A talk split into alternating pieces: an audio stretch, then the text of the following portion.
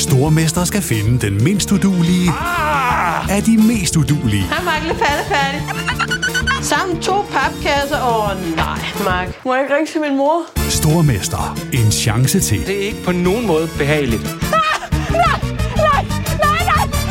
Stream nu på TV2 Play. Life is full of awesome what ifs, and some not so much, like unexpected medical costs. That's why United Healthcare provides Health Protector Guard fixed indemnity insurance plans to supplement your primary plan and help manage out of pocket costs. Learn more at uh1.com. I'm Sandra, and I'm just the professional your small business was looking for. But you didn't hire me because you didn't use LinkedIn jobs. LinkedIn has professionals you can't find anywhere else, including those who aren't actively looking for a new job but might be open to the perfect role, like me. In a given month, over 70% of LinkedIn users don't visit other leading job sites. So if you're not looking on LinkedIn, you'll miss out on great candidates like Sandra. Start hiring professionals like a professional. Post your free job on linkedin.com/achieve today. Imagine the softest sheets you've ever felt. Now imagine them getting even softer over time. That's what you'll feel with Bowl and Branch's organic cotton sheets. In a recent customer survey, 96% replied that Bowl and Branch sheets get softer with every wash. Start getting your best night's sleep in these sheets that get softer and softer for years to come. Try their sheets with a 30-night guarantee. Plus, get 15% off your first order at bowlandbranch.com. Code BUTTERY. Exclusions apply. See site for details. Du har fundet vej til NBA-podcasten fra TV2 Sport. God fornøjelse. Åh, der er det altså Antetokounmpo! Så færdig en aflevering. Åh, flyby! Kan du svare igen? MVP'en tryller. Ja, ja! Som vi nærmer os april, nærmer vi os også en afslutning på sæsonens NBA-grundspil. Snart skal forerne skilles fra bukkene, og det lader til, at vi skal hen til de absolut sidste opgør af regular season, før vi får det endelige hierarki i denne udgave af verdens bedste basketballliga. Et hold, som har fundet en øh, lunplads i den her rangorden, det er det historiske New York Knicks mandskab, der igennem sæsonen har arbejdet sig stødt og roligt op gennem Eastern Conference, og i dag sidder lunt på en af de sikre slutspilspladser i Øst. Senere i podcasten, der får jeg Jens Lavlund med for anden gang i den her podcast-sæson, og han kommer ind og giver os en, øh, en lille status på holdet fra The Big Apple. Men først, så skal vi have en stak nyheder fra ugen. Vi skal have uddelt et par priser, og så har jeg et vigtigt uh, MVP-spørgsmål, som jeg gerne vil stille videre. Velkommen indenfor i NBA-podcasten fra TV2 Sport. Det er i dag den 22. marts 2023. Mit navn er Christoffer Vestrup, og i anledning af Sean Bradleys 51-års fødselsdag i dag, så vil jeg byde velkommen til podcastens helt egen Stormen Mormon, NBA-ekspert Peter Wang. Hej Peter, velkommen til. Hej Christoffer. Altså, nu tager du Sean Bradley frem. Er det ikke faktisk en frygtelig historie med ham? Er det ikke ham, der er faldet på cykel og nu sidder i kørestol, og det hele er helt skidt? Jo, han blev ramt af en, en bil, da han var ude at Ja. cykle her sidste år i, uh, i, sin, i sin hjemby i Utah, og sidder, i- er paralyseret for, for, uh, ja, for halsen Ja, ned. det er simpelthen forfærdeligt. Men vi kan godt hylde ham, fordi han var faktisk en rigtig sjov spiller i NBA, og øh, man skal jo ikke gå i glemmebogen af den grund, men altså, det var da, det var da lige lidt trist at blive taget tilbage til, til Sean Bradley. So be it. Ja, vi har faktisk lidt triste temaer Ja, det i er, podcasten. måske er det faktisk et, øhm, ja, vi, vi kommer nok til det, så let's go. Vi er i de sidste uger af grundspillet 22-23, hvor de sidste kampe altså bliver spillet søndag den 9. april. Der er altså kun to en halv uge tilbage af regular season, og vi skal naturligvis have et kig på stillingen i NBA, som den ser ud her i dag. Men vi starter i det her triste hjørne med de triste nyheder, som vi fik i går aftes. Her hørte vi nemlig, at Hall of Famer Willis Reed er gået bort i en alder af 80 år. Willis Reed spillede i NBA fra 1964 til 74 alle år for New York Knicks, hvor han vandt mesterskaber med dem i 70 og 73. I begge finaleserier blev han kåret som Finals MVP, og han har også en grundspils MVP fra 1969-70 sæsonen.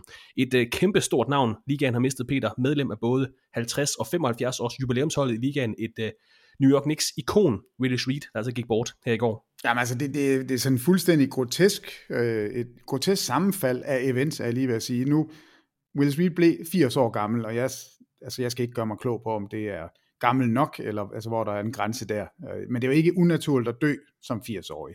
Men timingen af det, altså fordi vi optog crunch time i går, og, og vi har et segment, altså jeg har min måske nogle gange lidt latterlige tavle. I går synes jeg faktisk overhovedet ikke, den var latterlig. Det var en, øh, altså en, en rigtig fin hyldest af netop okay. ikoner i New York Knicks historie, hvor jeg ender med at stå med Willis Reed som nummer et. Okay, ja, det altså, er lidt uh, pudsigt. Og så, som vi sådan kan regne det ud, så er det jo nærmest sket samtidig med, at vi står og, og taler om netop den her entrance, han har i 1970, den viser vi på tv, hvordan han kommer ud af tunnelen humpende på et ben og kommer ind og, og scorer fire point og, og bliver finals MVP, og vi havde en, en, sådan en, en god snak omkring Will Smith, altså hvor, hvad han var for en spilletype, og hvornår han var der, og, og han er jo et kæmpe ikon i altså for New York Knicks. Om han er nummer et, eller nummer to, eller nummer tre, det, det ved jeg ikke. Jeg havde ham som nummer et, og så kommer man hjem og finder ud af, at han er gået bort. Altså det, det var, det var bare et besynderligt sammenfald. Altså. Men jeg havde faktisk læst en masse op på ham op til udsendelsen i går, og det kan vi jo så altså, bruge lidt tid på i dag, tænker jeg. Jeg synes da godt, vi må, må hylde ham lidt, fordi han var jo andet end bare en spiller for New York Knicks. Mm. Altså det er den første trøje, han havde nummer 19, det er den første trøje i Knicks historie, der er blevet puttet op under The Rafters. Okay. Øh, og han går videre, altså han er jo kæmpe navn. To mesterskaber, to finals MVP, går videre rundt i NBA og er general manager hos Nets, er vice president hos, øh, altså hos Nets, er assistant coach hos Atlanta Hawks, hvor han har blandt andet Doc Rivers under sig. Øh, var jo sådan vokset op i de her raceuroligheder øh, i tiden, hvor det virkelig eksploderede, og mærkede det også på banen, og, og var jo kendt og elsket, fordi han, han var en hård hund. Altså, der var ikke nogen dækkedar med ham, og det kan vi jo se i de der ikoniske finalebilleder, hvor han spiller på et ben. Altså, han, det, han humper igennem kamp 7 i den 70 finale. Ja, men det er helt vildt, fordi han, han sidder ude i kamp 6, altså spiller de første fem kampe, og, og jeg tror nok, det er en lårskade, han har. Øh, og sidder ude i kamp 6 netop for at, at kunne have lidt energi til at spille i kamp 7. Det er op imod Will Chamberlain. Det er altså ikke bare at have hvem som helst. Som dominerer kamp 6 for Los Angeles Lakers. Ja. Det er helt vildt. Så de ved bare, at han er nødt til at komme tilbage. Det er jo også derfor, de er sådan helt euforiske, da han går igennem tunnelen og kommer ud. Altså, det, er jo, det er jo et kæmpe billede sådan på NBA og på den tid. Jeg ved godt, du synes, det er latterligt, Peter, men det ligner simpelthen en wrestler, der kommer ind i en arena. altså, altså det der med, at han, han kommer ind, og folk de jubler og jubler og jubler. Han er på vej ind til, til, til ringen, som det er i wrestling, men på banen.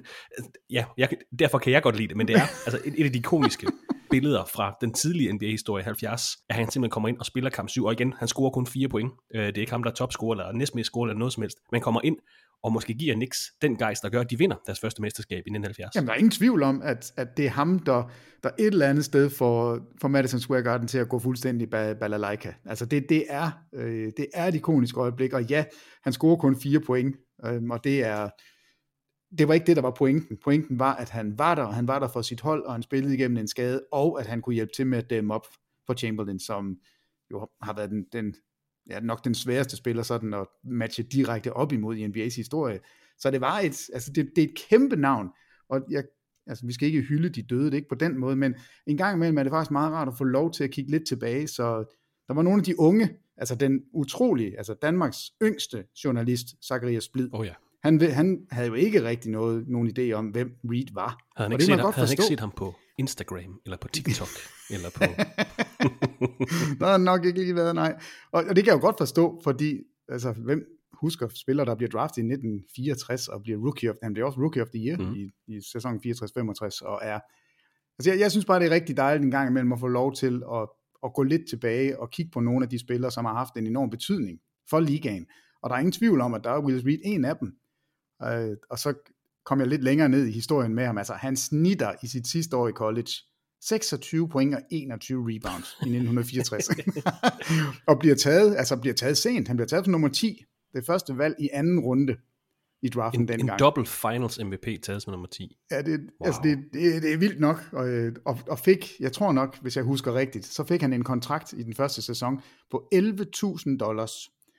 Og så fik han at vide, at han kunne få en bonus øh, på 3.000 dollars. Og det sagde han, det ville han ikke have. Han ville have en større bonus, og han ville gerne bevise på banen, at, at han skulle have en større bonus. Og det, det enedes man om, og så spillede han jo en vis lamestil ud af bukserne, ikke? Og, og får også flere penge, men, men var aldrig, altså han spillede også i en tid, hvor NBA ikke på den måde var en pengemaskine, som det er i dag.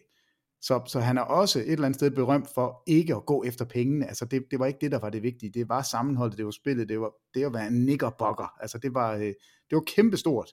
Og så har han været med i et par legendariske slagsmål, skal jeg da også lige love for. Altså det, det, det er der flere, hvis man går ind og googler ham, og sådan og læser gamle artikler, så bliver der altid nævnt øh, nogle slagsmål, hvor han slår flere mand ud, og løber efter folk på bænken, og, og hvor, hvor hans holdkammerater, han, han sagde efter et af slagsmålene, at han var lidt skuffet over, at hans holdkammerater ikke var der. Hvor de så svarede, at jamen altså, vi kunne godt se, hvem der var ved at vinde alligevel. det kunne du så... godt klare selv, Willis. ja, det, det er vi ikke lige brug for. Nej, så et kæmpe navn, og selvfølgelig øh, den, den sidste lille ting med ham, han blev også, der var lidt forvarsel om, at han var syg. Ja, han havde ikke øh, det bedste helbred han- her til sidst, desværre. Nej, det havde han ikke, og han mødte ikke op her for, jeg tror det var tre måneder siden, de, de netop hylder mesterskabsholdet, som han jo var en kæmpe del af. Ja, fra Og det- 73 selvfølgelig. Yes, fra 73 holdet, altså 50 års jubilæet for, for det hold. Og, og der møder han ikke op, men sender en videohilsen, så det var ikke fordi han ikke, øh, altså han, der var ikke nogen hard feelings med ham og Nix overhovedet, han, han var bare for syg til at komme og lave en videohilsen. Og så hørte jeg også, eller læste også et sted, at han altid gik rundt med en masse af sådan nogle øh, spillekort fra New York Knicks med sig selv på, fordi han mødte så mange folk, der ville have en underskrift.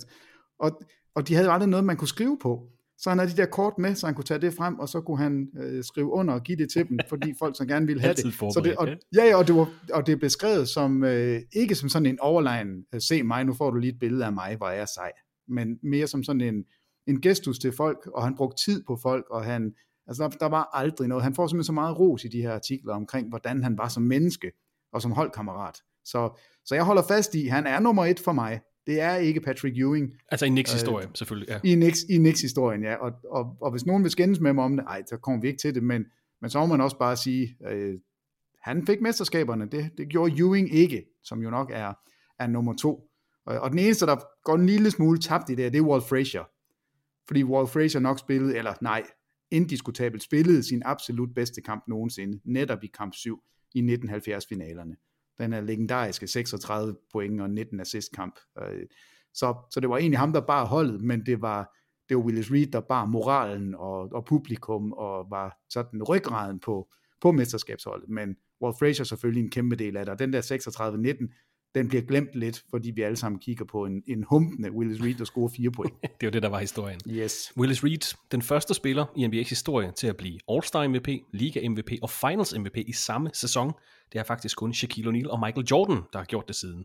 Willis Reed øh, var også af en af blot 10 spillere i historien, der har vundet grundspils MVP, Finals MVP og mesterskabet i samme sæson. Det gjorde han altså tilbage i 69-70 sæsonen. De andre spillere i den her kategori, Kareem Abdul-Jabbar, Moses Malone, Magic Johnson, Hakeem Olajuwon, Shaquille O'Neal, Tim Duncan, Larry Bird gjorde det to gange, LeBron James har gjort det to gange, og Michael Jordan har gjort det fire gange. Det er altså det nabolag, som Willis Reed skal huske sig. Altså en af de helt store, men du nævnte det her, der er mange, der ikke kender ham. Han er også fra det her glemte årti, 1970'erne, hvor det hele er sådan lidt mere mudret. Der var masser af stoffer, der var masser af slagsmål. 60'erne står skarpt, der har vi Boston Celtics. 80'erne står skarpt, der har vi Bird versus uh, Magic. 90'erne står skarpt, Bad Boy Pistons, Chicago Bulls, og derefter. Men 70'erne, Peter, bliver altid glemt, og derfor også Willis Reed. Måske et glemt navn i NBA-krise. Ja, lidt. Altså, jeg synes egentlig, det er en rigtig fin måde at, at sådan skitsere historien på, fordi vi har ikke det der billede af 70'erne. Måske er det, kan det være, det bliver det nu, altså fordi man kommer til at tale om det igen, og så får et, altså et ansigt på, på en eller anden måde. Og selvfølgelig, det var jo, altså det var jo Chamberlain, han spillede op imod. Det var jo, altså det, det er jo ikke her hvem som helst, han sådan skal måle sig med. Og han var en, en lidt undersized center. Øh, men heldigvis venstrehåndet, så alt er godt. Jeg, jeg er faktisk glad for, at vi fik lov til at snakke lidt om ham. Reed øh, var også en af blot 12 spillere, der har vundet mere end et Finals MVP-trofæ. Willis Reed vandt altså to i 70 og i 73. De andre spillere på den liste, Kawhi Leonard, Kevin Durant, Kobe Bryant, Hakeem Olajuwon, Larry Bird, Kareem Abdul-Jabbar, Tim Duncan, Shaquille O'Neal, Magic Johnson, LeBron James og så Michael Jordan. Altså kæmpe store navne, Willis Reed, et lige så stort navn, som vi tog afsked med her i går, tirsdag den 21. marts. Det skal der ikke være nogen tvivl om, og som Peter han siger, godt vi også kan få lov til at snakke om den. Desværre øh, i, i kedeligt nyhedsøje med, men øh, vi hylder i hvert fald Willis Reed her i starten af podcasten, det er der ingen tvivl om. Udover nyheden om Willis Reed, så fik vi også en anden trist nyhed fra NBA her i, øh, i går, faktisk i tirsdagens kampe. Los Angeles Clippers profilen Paul George måtte hjælpes af banen i nattens opgør mellem Clippers og Thunder, efter han pådrog sig en skade i det højre knæ. Han forlod arenaen siddende med benet strakt på en lille vogn, og det er ikke øh, bare for at nævne en morsom detalje om den her skade, det er mere for at sige, han kunne ikke selv gå for banen, og han kunne ikke selv gå for arenaen bagefter, han blev simpelthen kørt på den her lille vogn. I en øh, rebound-situation, der rammer Luguentz Dorts ben ind i siden af Paul Georges knæ. Vi kender ikke detaljerne, vi kender ikke omfanget af skaden, men et forsigtigt bud herfra, vi er ikke læger eller noget som helst, det ligner en korsbåndsskade. Hvis det er det, vi håber naturligvis, der er tale om en mindre skade, der er nogen, der snakker om, at det bare kan være en, et, bare, bare være et overstræk, eller det, som Giannis Antetokounmpo fik i Eastern Conference Finals for to år siden, der altså kun holdt ham ude i, i, i, i to små uger, eller hvad det var. Men det her, det, det kan godt være sæsonen, der røg her for Paul George, Peter. Jeg ved, du ikke har set billederne, du er ikke god til sådan nogle øh, billeder. Nej. Det kan ja, godt være sæsonen, der røg her for Paul George. Ja, men det, hvis det er sæsonen, der ryger for Paul George, så er det jo ikke bare ham. Altså, så trækker han jo hele Clippers franchise med sig ned, fordi de har ikke i min bog en jordisk chance for at gøre noget som helst larm i slutspillet, hvis ikke Paul George er der. Og det er så latterligt ærgerligt, og det siger jeg ikke, fordi jeg havde Clippers til at gå i finalerne. Øhm, eller ikke kun derfor, det irriterer mig også lidt. Jeg vil jo gerne have ret, det ville være rigtig dejligt, men det her er en virkelig, virkelig ærgerlig timing, og jeg ved ikke, jeg tror bare aldrig, det kan lykkes for Clippers at gøre noget fornuftigt, før de kommer ud af den rådne bygning. Altså, de skal ikke være inde i Crypto.com Arena, eller Staples Center, eller hvad det hedder. De skal have deres eget sted at spille, fordi det går altid galt. Lige når man tror, at skuden er vendt, så, så går det galt igen, og det ser ud som om, at vi skal tage endnu en tur med et Clippers-mandskab, som har så store forhåbninger op til slutspillet, og så går det hele bare af pommeren til. Altså det er, jeg synes, det er så trist. Jeg hader, når det er skader, der skal gøre det, men, men det ser desværre sådan ud lige nu. Efter en øh, svær start på sæsonen sådan rent helbredsmæssigt for Paul George, så havde han faktisk spillet 20 kampe i træk, inden han pådrog sig den her skade i nat. Og, og, og 20 minutter for inden den her skade, der havde han lige disket op med, et, med 360-dunk. Og ikke sådan noget pjat i transition. Nej, nej. Bare sådan via et almindeligt backdoor cut, eller en pick and roll situation, eller hvad det var. Så leverer han lige en, en 360-dunk. Øh, og igen, nu må vi se, hvad skadens omfang er igen, øh, vi er ikke læger eller noget som helst. Jeg har bare en, jeg har en dårlig fornemmelse i maven, efter jeg har set de her slow optagelser. Vi håber på det bedste for Paul George, der om nogen ikke behøver flere skader. Øh, Clippers, måske har de tabt ham for sæsonen. De tabte nattens kamp til Oklahoma City Thunder med et point. De ligger nummer 5 i Western Conference. De er en kamp fra Suns på 4. pladsen, en kamp foran Golden State på 6. pladsen, og så har de kun to og en halv kampe ned til 11. pladsen. Der er ni kampe tilbage for dem i sæsonen, Peter. Hvis de er uden Paul George i resten af grundspillet, eventuelt slutspillet, hvad er udsigterne for Clippers så i år? Ja, men jeg, jeg tror da stadigvæk, at de kommer ind for i slutspillet. Og der er de simpelthen for gode. Uh, det er for bredt et mandskab, og de har stadigvæk, den bedste spiller er jo ikke engang Paul George. Uh, og jeg, godt, jeg vil godt starte med allerede nu at give den, den første pris i dag til Keep It Going Man-prisen til ja. Kawhi Leonard. Ui. Los Angeles Clippers klart bedste spiller, og hans seneste 26 kampe er gået noget under radaren, fordi vi hele tiden kigger på load management og, og puha, og jeg, synes også, han har siddet for meget ude, men der er i det mindste kommet sådan nogenlunde struktur over hans øh, inaktivitet. Øh, han har siddet ude i øh, fem gange back-to-back kampe, altså kun fem kampe ud af de seneste 31, og i de 26, han har spillet, der snitter han altså 28,5 point, 6,5 rebound, 3,8 assist, næsten to steals per kamp. Han skyder 48,5% på trepointskuddene, 92% på straffekastene. Han har været tossegod og holdet har faktisk spillet rigtig godt. Det er bare gået under. Altså, vi har ikke lagt mærke til det, fordi der har været alt balladen omkring load management, alt balladen om, nu henter de Westbrook ind, og så taber de fem kampe i streg, og så er han starter, og hvad er, hvad er problemet her, og hvad, Daniel Verden er, at de afslutter kampen, og hvad skal Terrence Mann, og hvorfor henter man Westbrook ind, og Terrence Mann på bænken, og altså alt det. Og imens, så har den dobbelte Finals MVP, som du nævnte før, Kawhi Leonard, han har bare nullet afsted og fuldstændig slagtet alt modstand. Og så i nat, Paul George ryger ud, og så må vi så også sige, at der bliver Lugan Stort, han bliver en, jo en dobbelt skiderik. Altså først er det Paul George, det er ikke med vilje, og så lukker han jo fuldstændig Kawhi Leonard ned i 20 sekunder. Genial forsvar til at slutte kampen. Men det her hold er for godt til at miste slutspillet, men de er for dårlige til at lave noget for alvor larm. Men holder de så en sikker slutspilsplads, eller skal ryge de ned i planfeltet? Ja, det er så spørgsmålet. Uh, altså, jeg, jeg, jeg tror stadigvæk, de holder sig indenfor. Altså, jeg tror, Paul George, han, uh, giver en, en moralsk, et moralsk boost, og Kawhi Leonard han spiller resten af kampene, sidder ikke ude i back-to-backs, fordi de har brug for ham. Og så er der, der er stadigvæk for meget kvalitet. Altså, det er et godt hold. Prøv at tænke på at være andet sige. Prøv at tænke på at være Memphis Grizzlies. Og så første runde, der står Clippers med Kawhi Leonard. Ja. Oh, altså, det er hellere det, øh, end en Kawhi Leonard, Kawhi Leonard og Paul George. Ja, det var noget. Men altså, det, ja, nu er du doktor. Du er Dr. Vestrup, så jeg tror på, når du siger, at det ser slemt ud. Så jeg, jeg sidder jo og forbereder mig ret, øh, ret meget på, at Paul George ikke kommer tilbage. Og hvad kan Clippers så gøre? Altså, de kan stadigvæk spille god basket. De, de har en, en god sådan blanding af, af store spillere, små spillere, point guards og wing spillere har de jo masser af. Så på den måde er det jo ikke, det er jo ikke sådan, at de mister den eneste point guard eller den eneste center. De mister bare en bedre version af alle de andre, som, som skal tage hans plads. Så det er et dårligere hold nu, men de er ikke chanceløse. Ikke i forhold til at holde sig inden for i slutspillet, men de er chanceløse i forhold til at vinde et mesterskab. Det kan jeg ikke se, de kan nu. Men en, øh, ja, potentielt forfærdelig skade. En skade, der igen kan sætte en stopper for, for Clippers mesterskabsdrømme.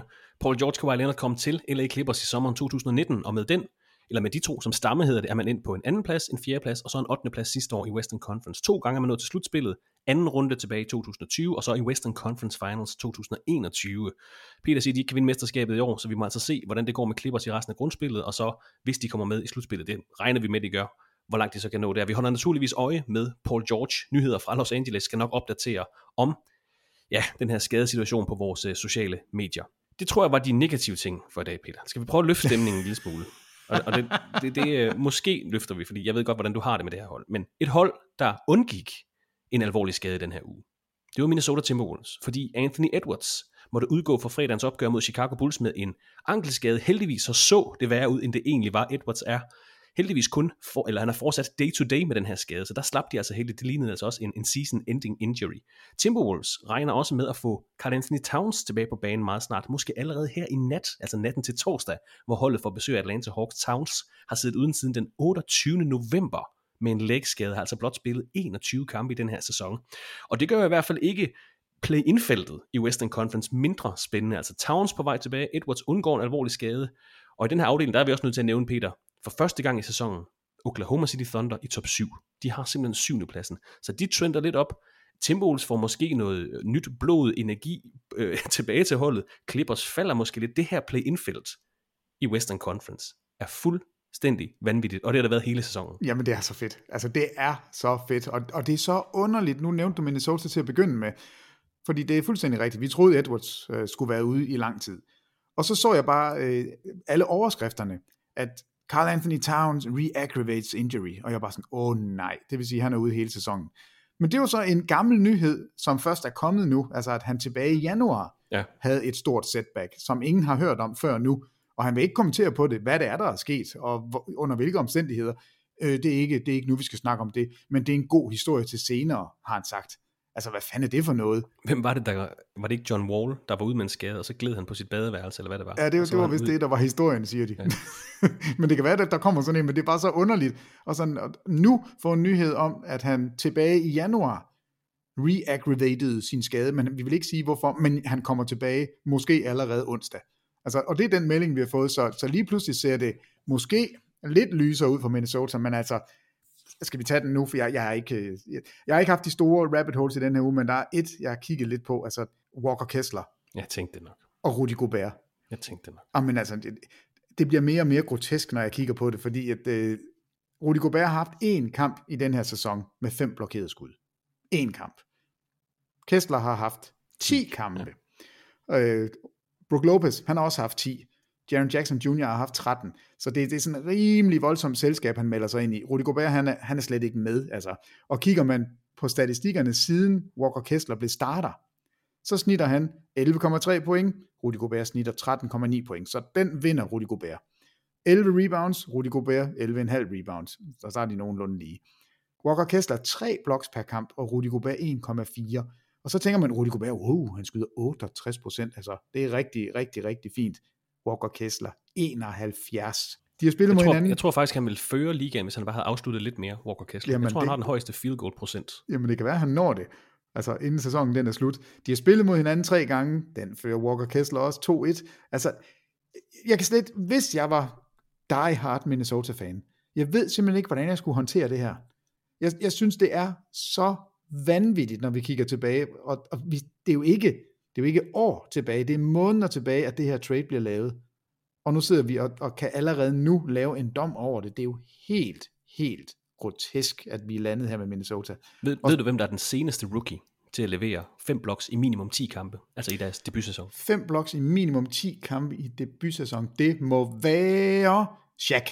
Tim Duncan, 97-98. Ej, jeg skulle have sagt, at jeg sad med Duncan på læberne, som aldrig blev Defensive Player of the Year. Det er også vildt. Det er, det er snyd. Men jeg så godt den. Land, jeg så godt, det, røveri. det var en Walker Kessler historie for ugen, jeg lige blev mærke i. Så tænker, den er jeg lige nødt til at huske så, når Peter ja. han begynder. Ja, men, men jeg, jeg er altså blevet lidt forelsket i ham, fordi på den måde, han spiller, altså han er jo meget, meget low-key. Altså, du, du ser ikke ham gå rundt og fejre og alt muligt. Han er virkelig, jeg, jeg synes, han er kommet ind i ligaen på den helt rigtige façon.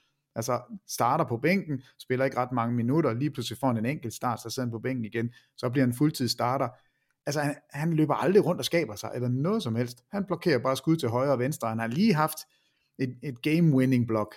Altså, hvor mange rookies kan få lov til det? Jamen, det er der altså ikke ret mange, der kan. Men det kan Walker Kessler, og han er, det, det han vil uløseligt være, komme til at hænge sammen med Rudy Gobert, fordi de blev traded for hinanden. Hvor den ene bare er, altså han er allerede bedre. Jeg vil langt hellere have Walker Kessler, end jeg vil have Rudy Gobert lige nu. Og det synes jeg jo er... Det kommer lidt an på, hvad præmissen er. Hvis du skal vinde et mesterskab, hvis du står i finalen i kamp 7, hvem du selv er. Jeg vil stadigvæk gå med Walker Kessler. Jeg stoler mere på Walker Kessler, end jeg stoler på Rudy Gobert. Det går så imod 75 års NBA-historie. Men det er, så lige det er jeg fløjtende ligeglad med. Nej, det, det, er, det, det er vildt nok. Det er vildt nok, at det er endt sådan her. Og jeg, jeg, jeg føler... Nej, jeg, jeg ved ikke, om jeg føler med Minnesota, for jeg synes faktisk, det er mega ringe. Jeg synes, det er ringe set, når man har et hold, der sidste år er så gode og på den rigtige vej. Og så smider de alle chips på bordet for en handel som den her. Det synes jeg ikke giver nogen mening. Øh, men øhm, nå, nok om det. Det var Walker Kessler, han skulle lige have lidt shine, og Rudy Gobert, han kunne få et hak i tuden igen. Det er måske ikke helt fair. Han er okay, men Kessler er bare bedre. Vi prøver at løfte stemningen yderligere. Chris Finch fra Minnesota Timberwolves er jo blevet øh, den træner i franchises historie med næst flest sejre. 98 styks, og han har altså kun været ansat i klubben i to år, siden 22. februar 21. Flip Saunders er naturligvis nummer 1, 411 sejre, og det er ikke for at gøre nar af klubben, at vi siger det her, han har næst flest sejre efter bare to år. De har kun eksisteret i 34 år, Saunders var altså træner i 10 af dem, så der har ikke været så mange trænere, og det har ofte kun været et eller to år, trænerne har holdt i Minnesota Timberwolves. Men Chris Finch gør altså et eller andet rigtigt, må vi bare sige. 98 sejre har han hentet for klubben. Masser af, af positive nyheder, også nogle negative fra Minneapolis. Men øh, vi kan ikke snakke så meget om positive nyheder fra Portland. Efter 6 nederlag i træk, og 11 i deres seneste 14 kampe, så ligner Trailblazers et hold, et hold som vi ja, ikke rigtig længere skal regne med i forhold til det her play-in-felt, vi snakkede om i Western Conference. De har 11 kampe tilbage, de er fire kampe for Utah på 10. pladsen, altså den sidste play-in-plads. 11, undskyld, 3 og 11 i deres sidste 14 kampe, Peter. I den her periode, altså de sidste 14 kampe, der har Trailblazers leveret ligans dårligste forsvar. Og du har ikke haft fidus til dem i den her sæson. De startede fint 10 og 5, men i de sidste 3,5 måneder, altså de er jo raslet ned gennem Western Conference. Vi kan vel godt afskrive dem i forhold til det her play kan vi ikke? Jo, det, det, det synes jeg, vi skal. Øh, og jeg synes næsten, at den måde, man, altså retorikken omkring Damian Lillard og de udtalelser, der har været om, altså det, det er jo rigtig meget, fokus er jo blevet på det her med, kan man ikke være en franchise-spiller, og hvorfor er det, man skal degraderes, bare fordi man ikke vinder en ring, og måske lukker vi ned for Damian Lillard resten af sæsonen. Altså det er jo det, vi hører nu, og hvis ikke Damian Lillard spiller de sidste 10 eller 11 kampe, eller hvad de har tilbage, så er det, altså, så vil det ikke komme som nogen overraskelse. Og det er da super ærgerligt. Altså, de kommer ikke inden for i play-in systemet, og, og de har heller ikke fortjent det, må vi så også sige, fordi det er ikke nok at have en spiller, der som den eneste har skåret både 60 og 70 point i den her sæson. Det er simpelthen ikke nok, når forsvaret er så ringe. De er for små, de er for dårlige, og det er, Altså, jeg synes, det er ærgerligt. Øh, Portland skulle være bedre end det her, men det er de ikke. De har 11 kampe tilbage, og de skal altså hente fire kampe på Utah Jazz, som de faktisk møder her i nat, så der kan de jo altså få en god start, men øh, rimelig svært slutprogram. Altså Jazz, Bulls, Thunder, Nuggets, to kampe mod Sacramento Kings, så har de Timberwolves, Grizzlies, Spurs, Clippers og Warriors. Der er en sikker sejr blandt dem der, det er mod øh, San Antonio Spurs, men de her 11 kampe, jeg tror ikke, de kommer ud med en positiv record, så ja, jeg tror godt, vi kan sige øh, farvel til Portland Trailblazers for den her sæson. Damian Lillard har selvfølgelig leveret, som du siger, Anthony Simons har leveret i perioder, Jeremy Grant har været god for dem, men det har også været det. Altså, der har været skader, øh, der har simpelthen bare været for få spillere, der kontinuerligt har leveret øh, for holdet, så lad os melde et hold, endnu, eller endnu et hold, ud af kapløbet om de her play-in-pladser i Western Conference. Øh, der er blot halvanden kamp for Golden State Warriors på 6. pladsen, og så New Orleans Pelicans på 12. pladsen. Så det er stadig tæt med mange hold, der kan komme indenfor på de sikre pladser, der kan ryge helt udenfor, altså på 11. 12. pladsen, så der er masser at holde øje med i Western Conference, må vi bare sige, de sidste to og en halv uger grundspillet. Altså falder Clippers i rangeringen efter den her Paul George skade. Kan Suns holde deres fjerde plads? Vi har hørt Kevin Durant rygtes tilbage i slutningen her af måneden, altså af marts. Har Warriors overkommet deres udebanekompleks. Jeg ved ikke, om du så, Peter, de vandt jo deres første udebanesejr siden 30. januar i, jo, det i mandags.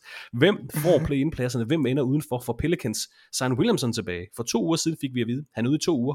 Hvor er han så hen nu? Og hvad med LeBron James? der er, simpel, jamen, der er så meget at holde øje med her i Western Conference. Historie, resultater, ting. Vi skal nok prøve at holde jer opdateret, men hold øje med dem i de næste to en halv uge, altså Western Conference. Jeg må ikke lige komme med en kommentar til det, fordi altså, Oklahoma City Thunder, det er jo som om, at de inden for den sidste uges tid har, har signaleret noget nyt. Ja, de altså, var på vej ned, og det var de så ja, ikke. Ja, vi havde sådan en fornemmelse af, at nu sætter de Shea Gildes Alexander ned, nu, nu får vi ikke mere godt spil fra Oklahoma, fordi det er ikke planen. Og så var det som om, at Jalen Williams, øh, wingspilleren, Garden Jalen Williams, lige pludselig stak fuldstændig af. Og så blev center Jalen Williams også god. Og så er det som om, de kiggede lidt på stillingen og sagde, hey, altså vi har en mulighed for at spille os direkte ind i slutspillet. Vi er langt bedre, end de tror, vi er. Og alle har regnet os ude, og nu løber de altså rundt, du har ret, de er på syvende plads. For første gang i sæsonen. Jamen det er helt vildt. Er de i top 7, ja. altså, og hvis man kigger på point differential, og som regel, så passer den altså nogenlunde, når sæsonen den er slut. De ligger med en point differential på plus 1,4, og det lyder ikke af så meget, men det er bedre end Warriors, der ligger over dem, altså på 6. pladsen. Det er bedre end Clippers, der ligger over dem. Så kigger man bare på den, så burde de jo komme op på en femte plads. Og, og jeg er jeg er færdig med at afskrive Thunder, så længe Shea Gildes Alexander spiller. Og jeg fatter ikke, at han bliver ved med at score 30 point. Hver eneste gang, jeg ser ham spille, så scorer han 30. Vi snakkede også om for en måned eller halvanden siden, at ah, nu, nu sætter de ham nok snart ned. Nu får han lige en, i godsøjne, skade, og så skal han lige hvile resten af sæsonen, fordi så kigger vi lidt længere nedad. Det, det, det var så ikke Nej, det, det gjorde de ikke. Altså, det, det, de er jo 8 og 2 de sidste 10 kampe. Det er den bedste record af alle hold i Western Conference. Det næstbedste, det er Lakers, der er 6 og 4. Så, så alle holdene, de løber rundt og spiller 5-5, altså slutspilsholdene, det er 5-5, 5-5, 5-5, 4-6, 6-4, og så har vi det her Thundermandskab, som er 8 og 2, og altså, jeg, jeg, jeg er begyndt at holde helt vildt meget med dem, fordi jeg synes, man skal da hylde de her unge, altså de spiller med to rookies, som er inde at starte ofte. De spiller med Logan Stort, som er sådan en, ja, en lille firkant, altså, og så er det bare Shea Gildes Alexander, der løber rundt. Ja, det er et fedt hold, det er et super, super fedt hold, så de har fortjent at være med i det her, og og jeg har i hvert fald fuldstændig fejlvurderet deres mission, og lige nu ser det ud som om, at de, ja, de snyder hele Western Conference. Jamen, de har også trendet både op og ned. Jamen, det har de. Sæson, så de har også været svære at, at blive kloge på. Ja, jamen altså, de playoffs øh, hook, de kommer til at få, altså fordi jeg tror ikke på, at de kan vinde mesterskabet. Men, men jeg tror, det er det rigtige at gøre, og måske er det noget af det, nej, nu stikker det lidt af, men altså Draymond Green har været ude og snakke om, det var Houston Rockets, han talte om, men det var mere forståelsen af at være unge spillere i en liga, som Altså, altså, altså som er dybt professionel, og det betyder faktisk noget, at du gør det på den rigtige måde. Og jeg tror, det bliver en kæmpe gevinst for Oklahoma, at de ser, at de faktisk godt kan spille, og de her unge spillere, de lærer at få en winning culture fra start. Altså, du får ikke lov til at løbe rundt og bare spille sådan noget loser basket, og, og ikke blive sådan holdt øh, op på, hvad du laver. Lige nu, der spiller de på den rigtige måde, de, de spiller på en fornuftig måde, og det er med virkelig, virkelig unge spillere, førsteårsspillere, som har store roller for dem. Ja, de er ikke engang deres, altså første, eller de er ikke engang deres uh, topvalg. Nej, Chet, Ho- Chet Holmgren sidder stadigvæk derude og venter, eller nu, nu ser vi ham faktisk løbe rundt og skyde træer. Altså, han kan jo blive præcis det, de mangler. Den der langlemmede centerspiller, som samtidig i den anden ende kan, kan strække gulvet. Altså, det, det, er, det er super, super spændende. Men jeg kan godt lide, at de ikke tanker. Altså, at de ikke siger, ah, vi skal have et godt draft pick. I har tusind draft picks. ja, I skal altså, videre på et tidspunkt. Jamen, så, det er de så kommet nu. Ja, så tror jeg faktisk, at det her det er langt bedre for dem. Det, det, det giver mere for dem, at de så får et draft pick, der hedder nummer 17, i stedet for nummer 11. Og, og det er jo nok det, vi... Altså, det, det er den afstand imellem draft picks, vi taler om. Så jeg, jeg synes, det, jeg er all in på det her Thunderman-skab. Jeg synes, det er fedt, det de laver. Altså masser af historie og masser af drama i Western Conference, især i det her play-in-felt og top og pladserne lige over. Men, men en ting, man måske ikke taler nok om, og måske er det også uh, totalt ligegyldigt, når vi nu har ja, tre altså så klare MVP-kandidater, som vi har i år, i år altså Nikola Jokic, Joel Embiid, Giannis Antetokounmpo. Men, men jeg kan jo spørge dig, Peter, hvem er nummer 4 på din MVP-liste? Ej, nummer 4? Men det er meget nemt, fordi der er tre, og der, der, der can be only three. Okay. Nej, det, føj, det skulle du ikke have spurgt om, det var jeg ikke forberedt på. Nummer 4, nummer 4. Altså, det nemme svar, og det svar, jeg tror, de fleste vil komme med, det er Jason Tatum. Fordi Tatum er på altså ligaens næstbedste hold, eller Eastern Conference næstbedste eller tredje bedste hold, og Antetokounmpo er væk, og Embiid er væk, fordi de er i top 3.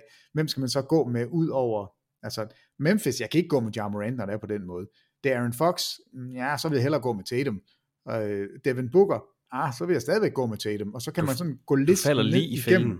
Du falder lige i fælden, Peter. Jamen, det er, det er rigtig godt. Jeg tager Jason Tatum. Det er godt. Og, vi har, og fordi vi har jo de her tre topnavne, og det bliver en af de tre. Jokic, Embiid, Giannis. Det bliver måske en af de to, Jokic, Embiid. Nu må vi se. Men der er altså tre super klare MVP-kandidater. Det er jo heller ikke nødvendigvis så spændende eller så sexet at snakke om, hvem der bliver nummer 4 i, i MVP-afstemningen. Men jeg synes, det er, jeg synes, det er løjerligt. Jeg synes, det er underligt, at man ikke snakker mere om Domantas Sabonis som MVP-kandidat. Og det er måske bare fordi, nu har han lige vundet back-to-back uh, Player of the Week i Western Conference. Han kan blive den blot tredje center i historien til at snit over 7 assists per kamp i en sæson.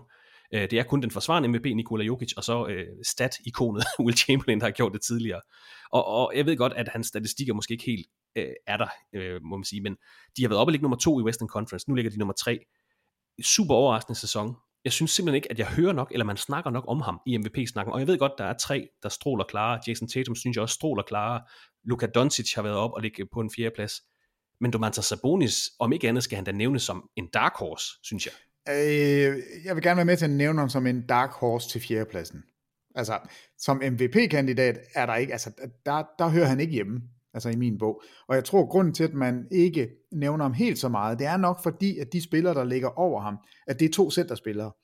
Altså, du spurgte mig i sidste uge om, hvem jeg havde på All-NBA centerposition, og der var jeg jo ikke i tvivl. Mm. Altså, det er, det er Sabonis, og det er fuldstændig urokkelig i den. Øh, men jeg har det samtidig også, at han er ikke i nærheden af at, at røre Embiid eller Jokic. Altså, det, så han falder sådan lidt, du er kun den tredje bedste center. Ja, men jeg er faktisk den fjerde bedste spiller i ligaen. Det er også sådan lidt mærkeligt. Øhm, men jeg kan godt lide, at du tager ham frem, for det, det er fuldt fortjent. Og nu sagde jeg det Aaron Fox. Jeg kunne lige så godt have sagt uh, Sacramento Kings.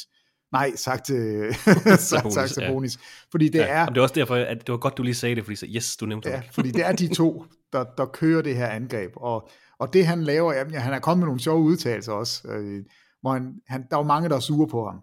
Altså, fordi han sætter de her screeninger, og man slår sig altså bare som en i helvede på ham. Altså han, og det kan man se, man kan se modstanderen, de er bare sådan, åh oh, nej, løber man ind i en Sabonis-screening igen.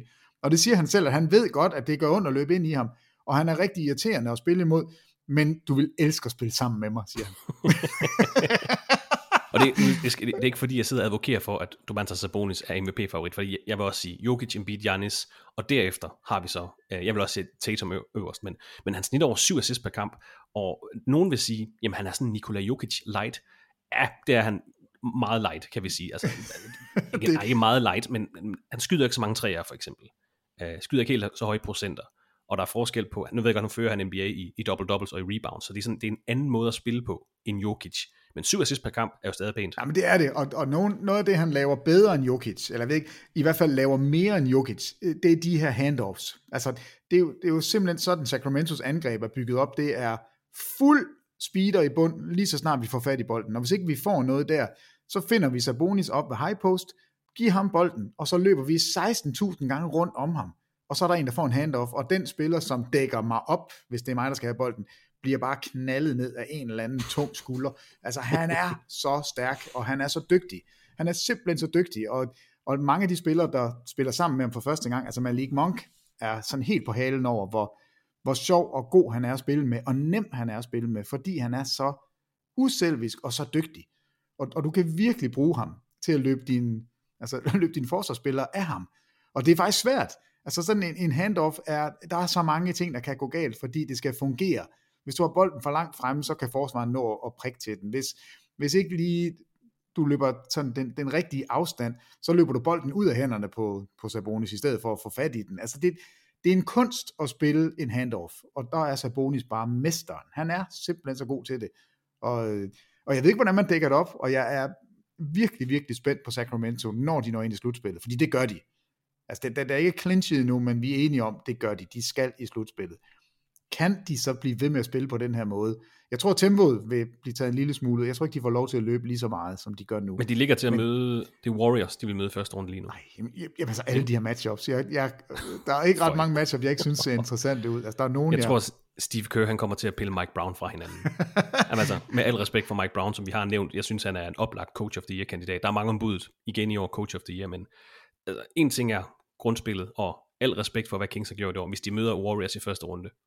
Au. Ja, altså, jeg, jeg tror i hvert fald, om, altså, om Warriors vinder eller ej, så er der i hvert fald, altså Steph Curry og Klay Thompson, de, selvfølgelig ikke altså, de slår sig. De kommer edderspark med til at slå sig, fordi de der handoffs, min pointe var egentlig, at det kan du ikke pille, pille væk fra et hold. Altså, du kan godt skime imod et forsvar og sige, okay, nu, nu sørger vi for, at den og den efterlader vi bag trepointslinjen, eller vi sørger for at spille rigtig, rigtig langsomt. Vi sender ikke nogen efter angles rebounds, fordi vi får vores forsvar hjem, trækker tempoet ud af, af deres angreb.